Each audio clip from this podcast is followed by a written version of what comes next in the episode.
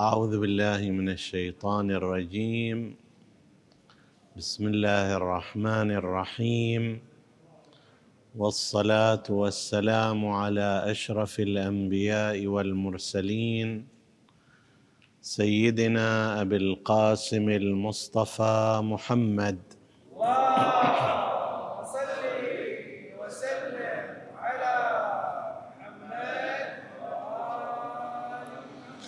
وعلى أهل بيته الطيبين الطاهرين المعصومين المكرمين. السلام عليكم أيها الإخوة المؤمنون أيتها الأخوات المؤمنات ورحمة الله وبركاته. لا يزال حديثنا متتابعا في موضوع الأمثال الخاطئة الشائعة في المجتمع. وقد سبق أن نبهنا على أن لهذه الأمثال على خطئها تاثيرا غير قليل. على حياة الناس وسلوكهم بل على عموم رؤيتهم في الحياة حتى إن بعضهم ليتأثر في سلوكه وطريقة حياته بهذه الأمثال أو ببعضها أكثر مما يتأثر بأحاديث المعصومين أو بآيات القرآن الكريم. لذلك من المهم أن نتعرض إليها وأن نتعرف على مواطن الخلل فيها. من ذلك من الأمثال ما يبرر به قسم من الناس متابعتهم للمجتمع صائبا كان أو خاطئا. هناك قسم من الناس عندما تسأله مثلا لماذا أنت تعمل هذا العمل؟ لماذا تسمع الأغاني مثلا مع أنها محرمة؟ يقول كل الناس يستمعون الآن. أكو أحد ظل ما يستمع؟ أصلا اللي ما يستمع إليها يعتبر نادر أو شاذ. فكل الناس يستمعون. لماذا لا تتحجبين الحجاب المشروع؟ تقول الآن كل الفتيات هكذا يلبسن. كل النساء يخترن هذا الموديل. طيب هذا مثلا لا يتمتع بالمواصفات الشرعية للحجاب. فتقول كل الناس يسوونه. لماذا في معاملاتك مثلا تلجأ إلى أعمال مخالفة كالربا والغش وغير ذلك؟ يقول كل الناس الان يسوي أنت روح السوق وشوف في أحد ما يسوي هالأعمال لو لا. تتصور الناس كلها تعيش في المسجد؟ لا روح السوق. الناس كلها تعمل هذا حتى يبرر لنفسه سلوك نفس الطريق. وعلى أثر هذا حاك بل حاكت المجتمعات أمثلة تناسب هذا الأمر. مثلا المثال المشهور والمعروف حشر مع الناس عيد. بمعنى أن الإنسان إذا كان مع عامة الناس فهو في حالة فرح في حالة سرور في حالة انسجام مع المجتمع. أما إذا انفصل عنهم كلا قد ينظر إليه على أنه بغيض معقد لا ينسجم مع المجتمع. فإذا إذا أراد أن يكون فرحا مسرورا منسجما لا بد أن يكون على النمط الاجتماعي السائد. هذا حتى في غير اللغة العربية أيضا. اللغة الفارسية عندهم مثال يقول خاهي نشوي رسوا همرنج جماعة شو. يعني إذا أردت أن لا تفتضح فكن كلون الجماعة من نفس قماشتهم اللي هو نفس معنى حشر مع الناس عيد. هذا المثال وأمثلة أخرى كثيرة عند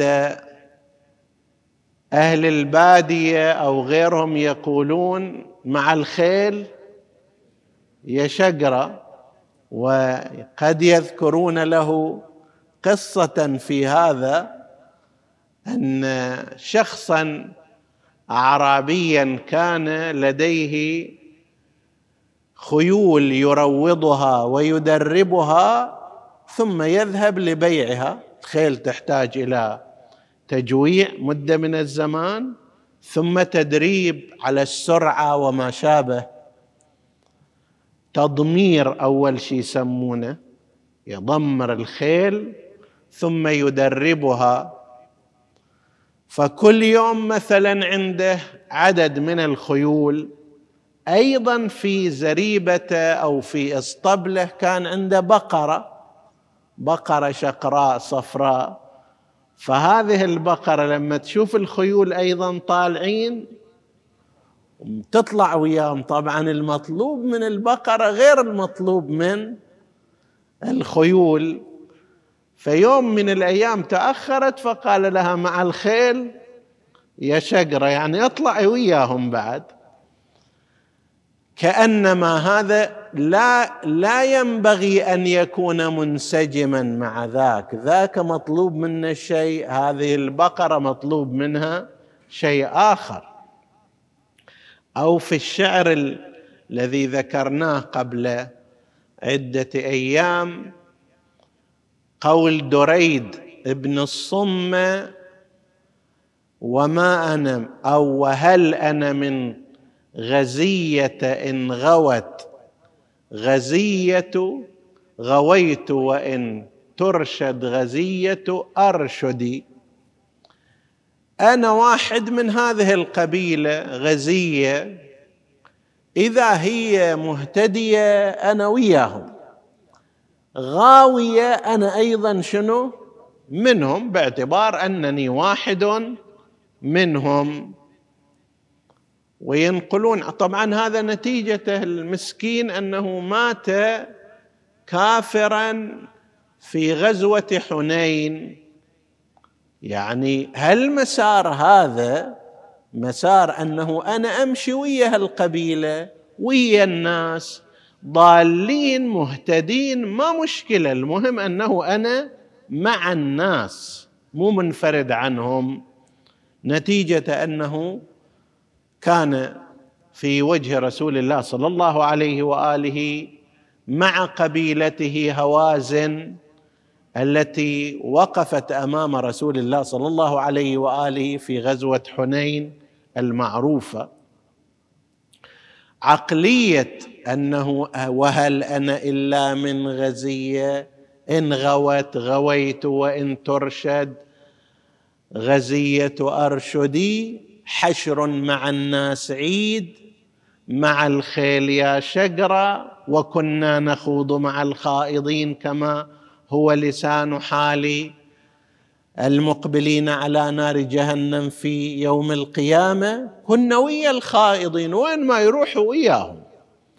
هذا المثل مثل خاطئ وفكرة باطلة. أنا إنسان مطلوب مني أن أتوافق مع المجتمع لكن فيما لا حد شرعيه فيه. الناس في المجتمع هنا مثلا يلبسون ثياب أنا لو لبست ثيابا كما يلبسون ما في مانع توافق اجتماعي.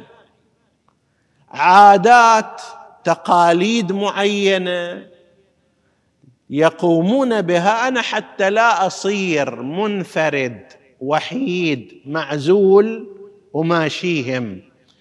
لكن هذا كله في غير ما كان فيه حد شرعي وحكم شرعي. الناس لنفترض في بلدي وأنا امرأة كلهن سافرات.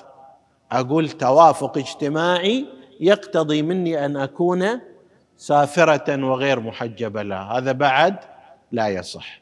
توافق الاجتماعي في غير ما كان فيه حد شرعي وحكم شرعي.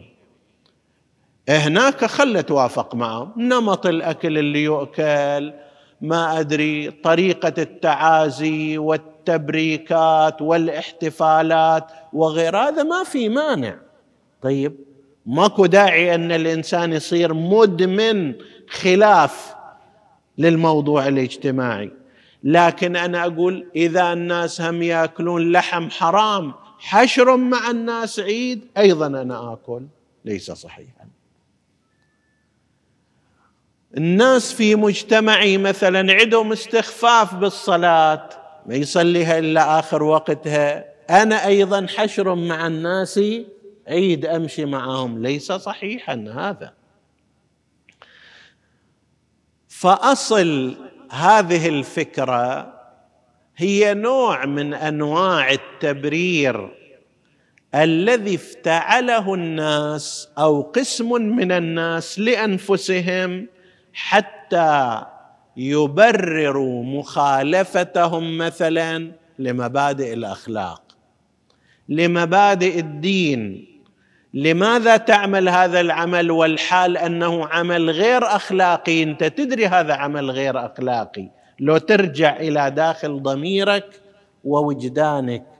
طيب يقول شو أسوي؟ الناس كلها تسوي هالشكل. حشر مع الناس. لو أنا ما سويت أصلا صير منبوذ غير طبيعي.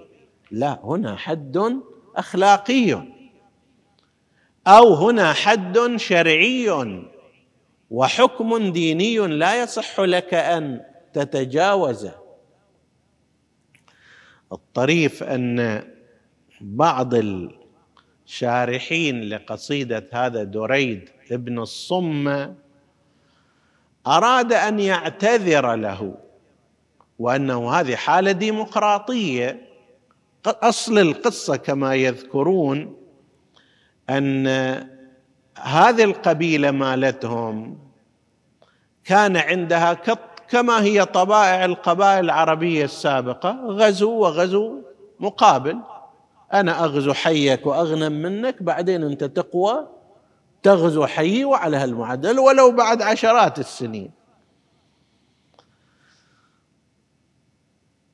ف دريد هذا عنده أخ اسمه عبد الله عبد الله بن الصم. غزوا قبيلة عبس فغنموا منهم وأخذوا منهم أموال وإبل وما شابه ذلك على طريقه الجاهلية.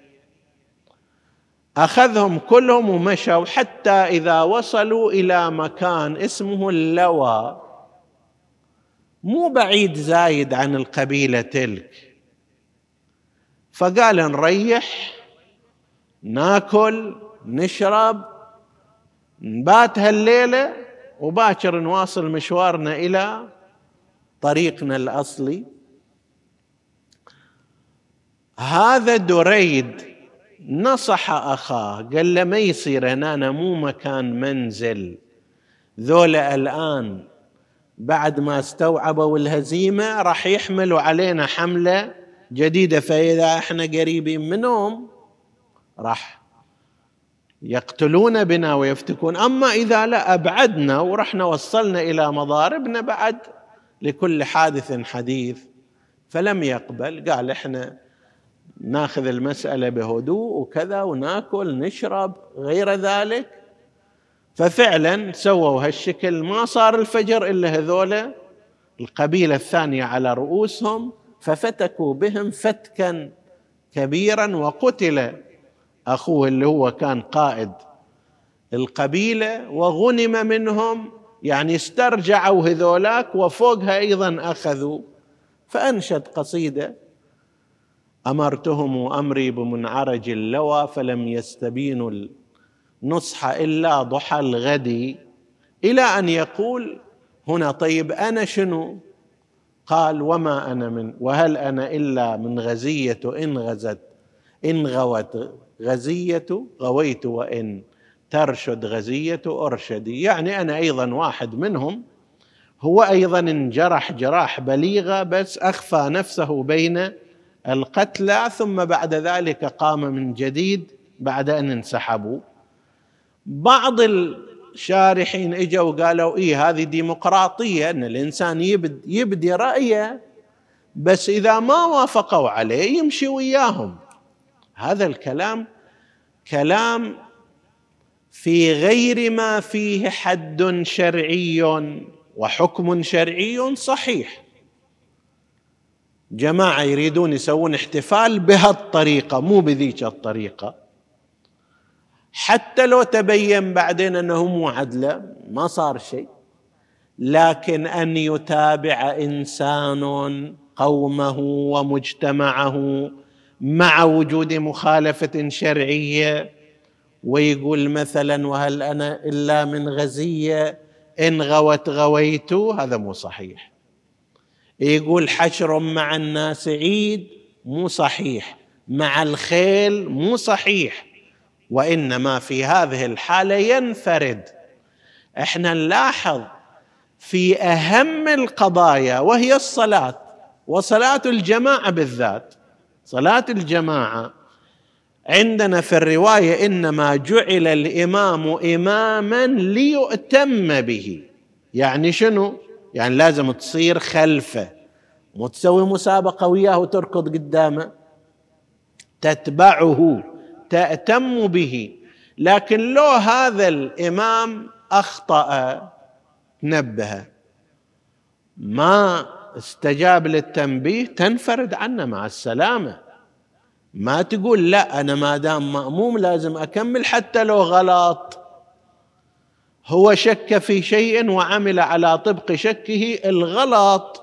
وأنا وراه متأكد ما أتابعه هذا إذا صلاة الجماعة اللي إحنا مأمورين فيها بالمتابعة للإمام. مع ذلك إذا أخطأ إذا جانب الصواب ما ما نتبعه ما نمشي وراه. نروح نتابع عامة المجتمع. وعامة المجتمع أكثرهم تسيبا عادة. يعني مثلا إذا واحدة لنفترض في موضوع الحجاب تطلع خصلة من شعرها. مو هي اللي تصير في ذاك متقدمة وإنما اللي تطلع نص شعرها. واللي باكر تشيل الغطاء بالكامل وتخرج شعرها بالكامل. هاي اللي تصير أول شيء. زين أنا اللي عندي معرفة بأن الحجاب واجب ولازم وجاء به القرآن الكريم وأحاديث المعصومين والفتاوى الصريحة أقول له بعد شو أسوي أنا؟ الوضع هو هالشكل. الناس كلهم هالشكل الستاف كله هالشكل العاملات كلهم هالشكل الناس في السوق كلهم هالشكل. لا هنا لا يأتي موضوع التوافق الاجتماعي ولا يسوغ للإنسان المتابعة على هذا الأساس. شوفوا القرآن الكريم. وتوجيهات الإسلام في مقابل هذا ماذا تقول بعد الصلاة على محمد وآل محمد؟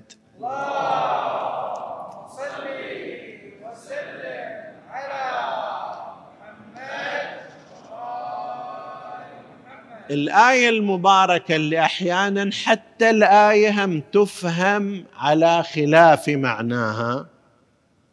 قول الله عز وجل يا أيها الذين آمنوا عليكم أنفسكم لا يضركم من ضل إذا اهتديتم إلى الله مرجعكم جميعا فينبئكم بما كنتم تعملون. الفهم الخاطئ مالها شنو؟ لما واحد يجي يأمر شخص آخر بالمعروف يقول له الله في القرآن قال عليكم أنفسكم. يعني ما عليك مني. تنصحه بسلوك طريق الخير.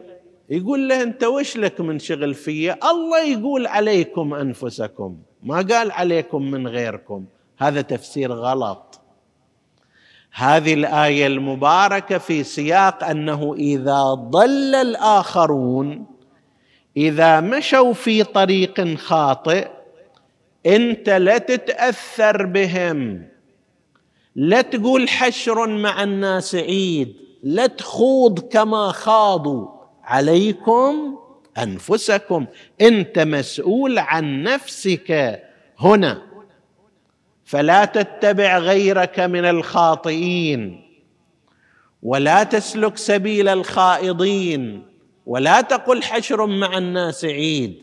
أنت راح تحاسب بنفسك على نفسك. ما حد راح يجي يدافع عنك فيما بعد. عليكم أنفسكم لا يضركم من ضل إذا اهتديتم. غيرك ضال أنت شي يخصك من عنده؟ ليش تتأثر به لن يحقق لك ضررا. بعدين يقول إلى الله مرجعكم جميعا فينبئكم بما كنتم تعملون انت راح تحشر فتسأل ليش سويت هالشكل؟ ما راح يقول لك ما دام تابعت الناس في المخالفة الشرعية إذا ناجح وتروح الجنة. هم ذاك راح يحاسب وأنت أيضا راح تحاسب وكل يأخذ جزاءه. إلى الله مرجعكم جميعا فينبئكم بما كنتم تعملون. فيها إشارة إلى أنه لا يقبل عذر هذا المعتذر أنه أنا كنت ويا هؤلاء. في آية أخرى في الرد على قول القائلين هؤلاء وكنا نخوض مع الخائضين حتى التعبير لاحظ تعبير جميل جدا. الإنسان اللي يخوض عادة ما يبصر. ما ملتفت. يحط رجوله خوضا هكذا. يمكن يخليها على زجاجة ويمكن يخليها على صفات وأحجار. حالة الخوض هي هكذا. فيقول هؤلاء في يوم القيامة وكنا نخوض مع الخائضين. وكنا نكذب بيوم الدين مع المجتمع مع هؤلاء أفكارنا أفكار غلط متأثرون بهم. حتى أتانا اليقين إلى أن صرنا في مواجهة الموت. الجواب مالهم شنو؟ فما تنفعهم شفاعة الشافعين. ذاك الوقت ما حد ينفعك. هالخائضين اللي وياك؟ هالجموع اللي مثلا محتفلين في صالة الغناء أو ما شابه ذلك وكل واحد يعاضد الثاني بالصوت المرتفع؟ ذاك الوقت ما راح ينفعونك شيء. اللي يرقصوا وياك وما شابه ذلك هذول ما راح تستفيد منهم شيء.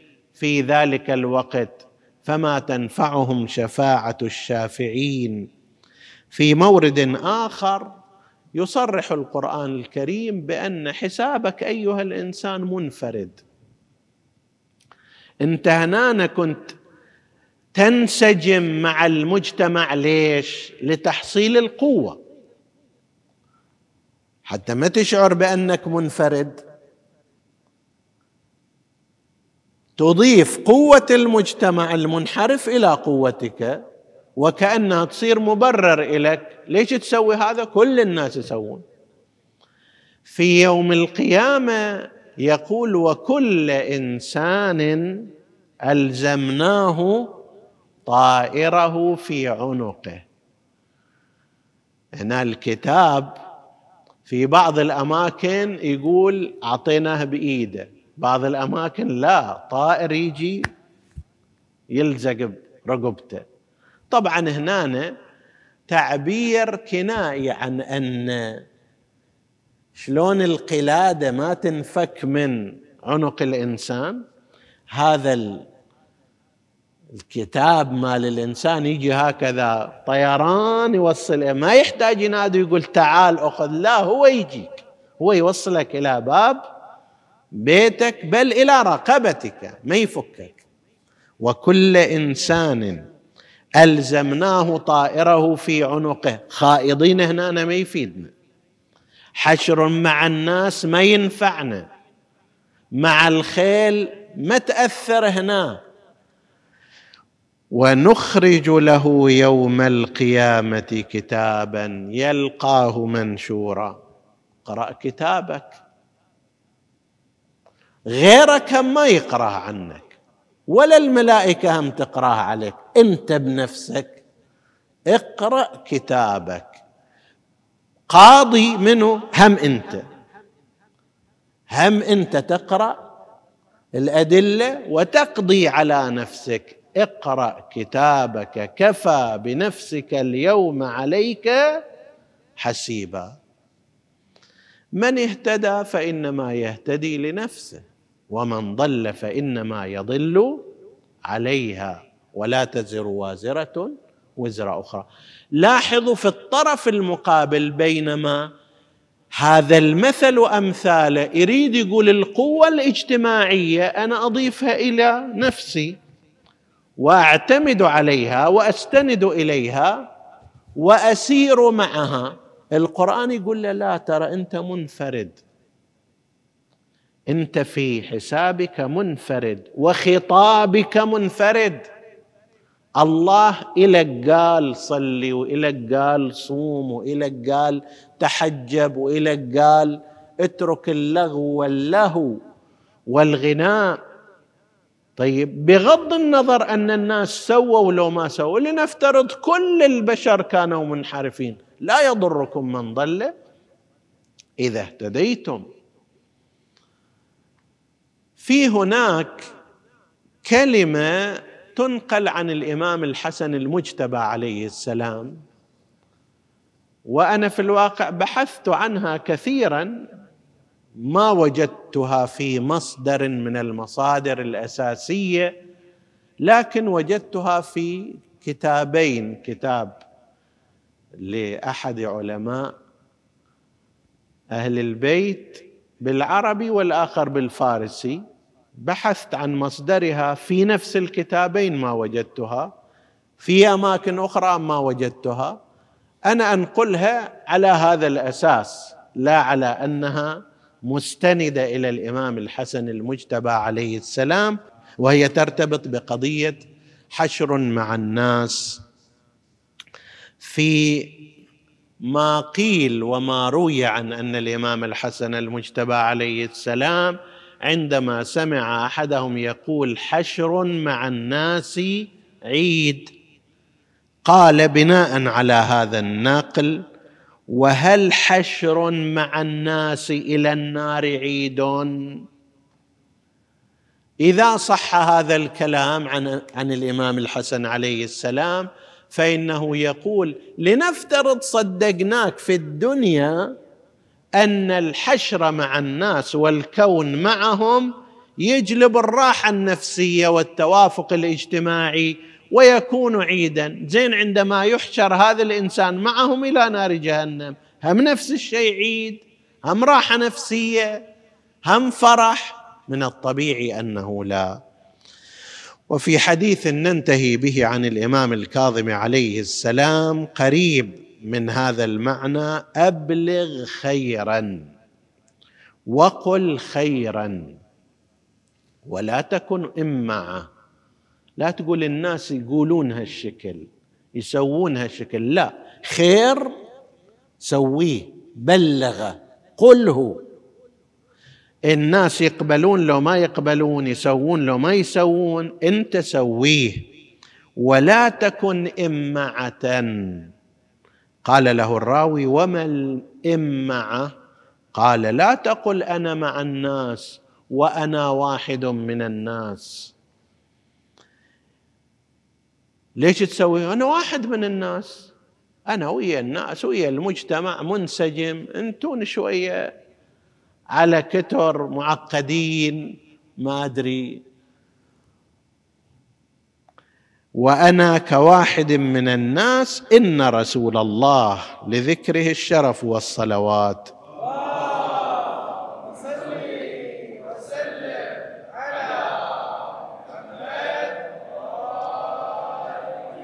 قال هما نجدان طريقان نجد خير ونجد شر وهديناه النجدين. يعني قلنا له هذا طريق صحيح هذا طريق غلط. ونجد شر فلا يكن نجد الشر أحب إليكم من نجد الخير. حتى لو كان في نجد الشر أناس كثير. رواد مثلا الأغاني والاحتفالات الماجنة وما كثير جدا. بس هو نجد شر. لا يكن أحب إليك من نجد الخير حتى وإن كان قليلا سالكوه. نسأل الله سبحانه وتعالى أن يوفقنا وإياكم لأن نرضي ربنا بأعمالنا والا يكون توافقنا مع الناس سببا في انحرافنا وتخلينا عن أحكامنا الدينية إنه على كل شيء قدير وصلى الله على محمد وآله الطاهرين.